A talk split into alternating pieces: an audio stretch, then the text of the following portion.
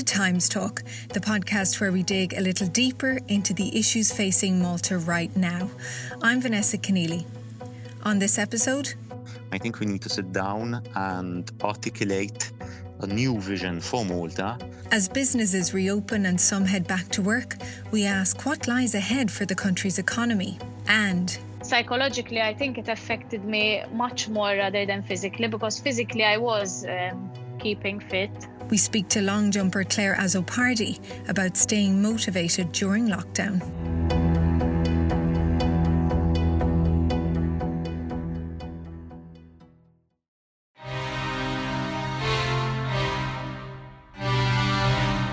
Twenty twenty started off great.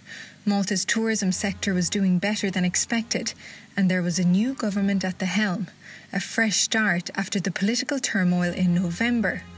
But then, in mid March, coronavirus brought the economy to a screeching halt, leaving no sector untouched. As things start to reopen, can Malta come out of this pandemic financially unscathed? JP Fabri is an economic advisor from consultancy firm Seed.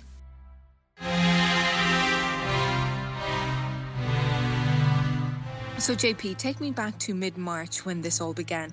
So, what happened was primarily a continuation of what we were seeing within the global economy. Um, economies shutting down as a response to what we refer to as a, an exogenous shock, right? So something that wasn't expected um, and something that um, created the need for um, big, significant interventions.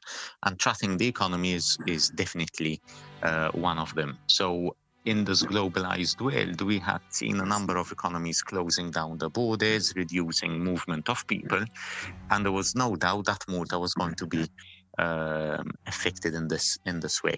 How did what happened in March compare to, let's say, 2008, the financial crash then? Yeah, the, the, the, nature of the crisis is, is very different. In 2008, the crisis was born out of a failing of the system. So it was a, a shock from within the system, primarily the United States and the subprime mortgage crisis over there. This time, it, it, it hit the whole world outside of the economic system, a health pandemic that became airborne and started creating havoc in a number of countries. So, and this and then has a whole um, domino effect, right? Because it, it has impacted uh, risk, it has impacted uncertainty, it has impacted uh, freedom of movement, it has impacted um, consumer behavior, uh, lockdowns, uh, changes in the global supply chain. I mean, we've seen scenes that no one ever imagined. Um, empty airports all over the world and planes parked on, on the runway. So, who would have ever imagined seeing this? What would you describe Malta's, you know, three or five key pillars of the economy here? So, we have luckily diversified well throughout the years, and Malta has a very good success rate at diversification, which I think is very important to keep in mind. We need to remember that uh, Malta started off as a military base, uh, and post independence actually had to rebuild its its economic fabric. So from a manufacturing base, we've diversified into services. Uh, today we have a, I would say, a well diversified economic structure, uh, but which has a number of challenges as well. So we remain um, tourism oriented, and that accounts for around a quarter. We then then we have a very strong services sector, and services is pretty diversified. We've seen the, the ballooning and the, the very fast growth in remote gaming. Uh, but and then there are also other professional services, financial services, which which are doing well, IT um, and related services over there. But we also remain a good manufacturing uh, sector. But even no matter how diverse any any country's economy is, the fact is that every sector was affected and many, many sectors were affected with unemployment. Can you talk me through what the latest figures are in Malta now? Correct. So uh, recently, a few days ago, the latest unemployment figures for April came out, and we had we have seen a very significant increase uh, in unemployment, an increase of over 2,000 people, and today the unemployment figure stands around 4,000. It's also good to remember from where we're starting, right? Uh, Malta had and still has one of the lowest rates of unemployment. Uh, but now we're seeing that the unemployment levels are, are reaching new new levels, um, and this will be a variety from of, of sectors. What we also need to keep in mind is that the impact of COVID is uh, varying across sectors, so the degree of impact is different, and also the time of impact will be different. So there are a number of sectors which will be hit with a lag. Um, so the first impact was definitely anything related to do with tourism and accommodation and catering. But um, as more economies start feeling the hit, because ultimately an, an economy is an interrelated web of actors and, and sectors, more sectors will actually start feeling the hit or the slowdown uh, in, in, in the future. Earlier this week, Foreign Affairs Minister Evarist Bartolo said another 500 workers had returned to their home countries, bringing the total to around 4,200. Would this not naturally leave a vacuum of jobs for the Maltese to fill? When seen in the context of Malta's economic model over the past few years, five to seven years, Malta's economy grew very fast on account of an increase in its population size and the increase in population came from two main um, elements. Now, population, I'm referring to the domestic market, right? Domestic market size. You had the the arrival of third country nationals and foreigners who were actually working. Now, the rate of permanence in Malta, the latest studies show that they don't exceed two years on average, but there was a constant supply and, and demand for foreign workers. And then second was tourism um, we've seen Malta achieving record numbers of tourist arrivals. So at any point in time, uh, Malta's population was was significantly high, and that had a ripple effect on a number of sectors, including construction, including property, including retail. So what we're seeing now is a retracting of the domestic market, and this is where uh, the main economic implications are going to be for a Maltese economy. So our new normal is going back to a smaller, a shrinking domestic market, which will obviously and then um, have an impact on the money that flows within that economy.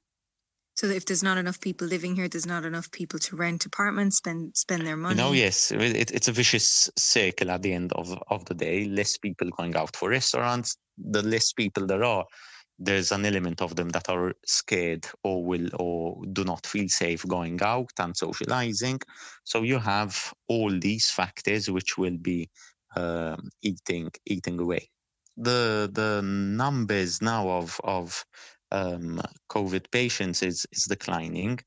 Um, I think the biggest worry will be if there's going to be a second wave towards the end of the year, primarily also uh, with the seasonal influenza. So I would say that it is going to be a slow, uh, a bit of a slow recovery because there's an adjustment uh, period that uh, that needs to happen. Uh, why? Because also it, it it depends very much on the response that other countries will be having, um, because it all depends if if um, uh, countries will open their airports, if foreign people will travel or not. Um, we might see a response of national governments abroad taxing foreign travel in order to incentivize domestic travel and that will leave Malta at a disadvantage.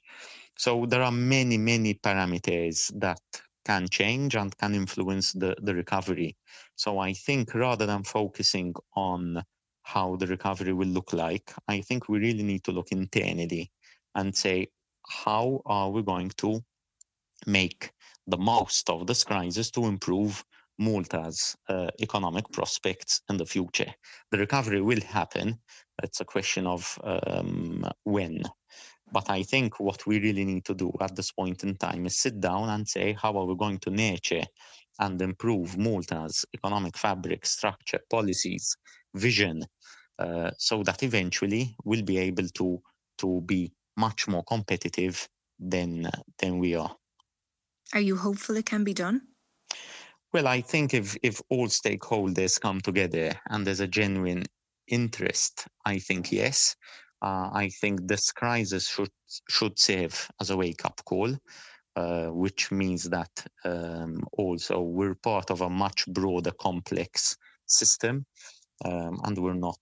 Although we are an island, we're not an island in, in the global economy, right? So anything that happens outside can have um, disastrous effects on us, and I think it it it should at least save us to realize that we constantly need to reevaluate our position and think ahead.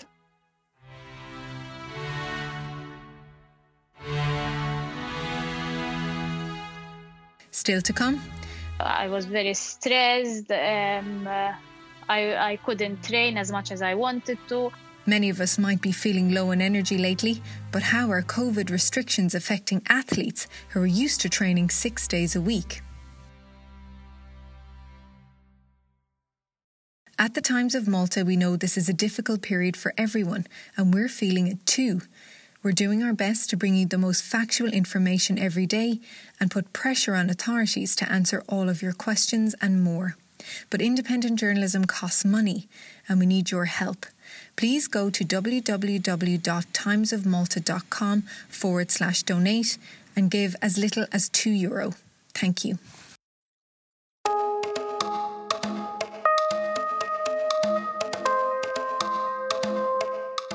the Olympic Games in Tokyo, the Tour de France, and multiple major football tournaments, all sporting events which have been cancelled this year because of the COVID 19 pandemic.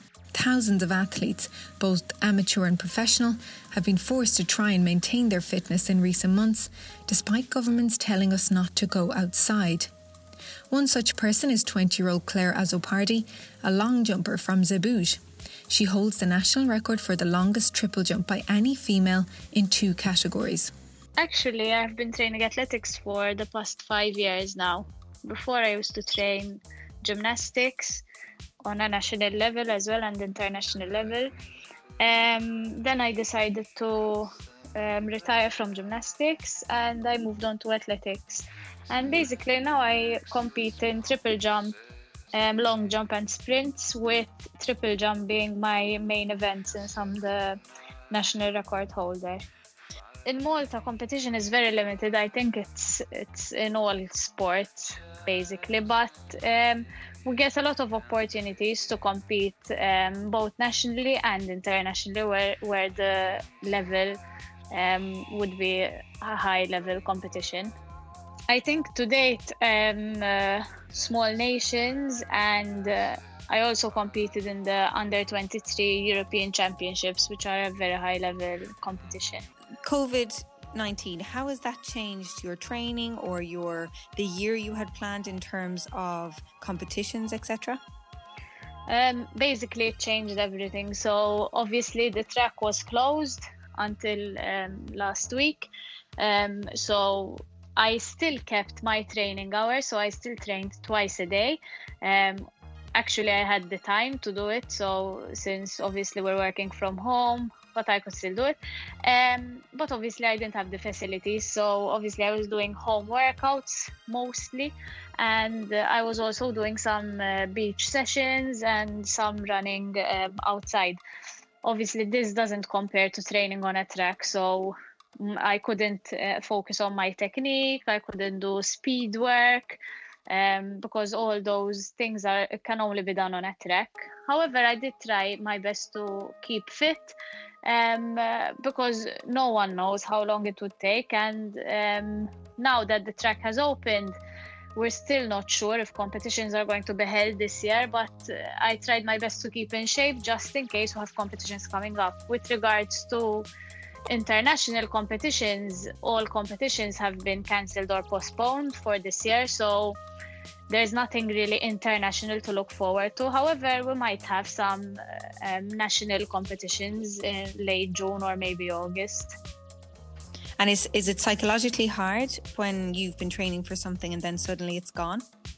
Yes, it's very hard. I think the hardest thing is to um, keep motivated. So, as you mentioned before, I try my best to even keep a healthy diet, um, and that was probably the hardest because obviously um, everyone was. Uh, I was very stressed. Um, uh, I I couldn't train as much as I wanted to, um, which made it even harder as well to keep to my diet. So psychologically i think it affected me much more rather than physically because physically i was um, keeping fit but rather psychologically it was it is very hard i was very stressed um, uh, I, I couldn't train as much as i wanted to um, which made it even harder as well to keep to my diet. So psychologically i think it affected me much more rather than physically because physically i was um, keeping fit but rather psychologically it was it is very hard.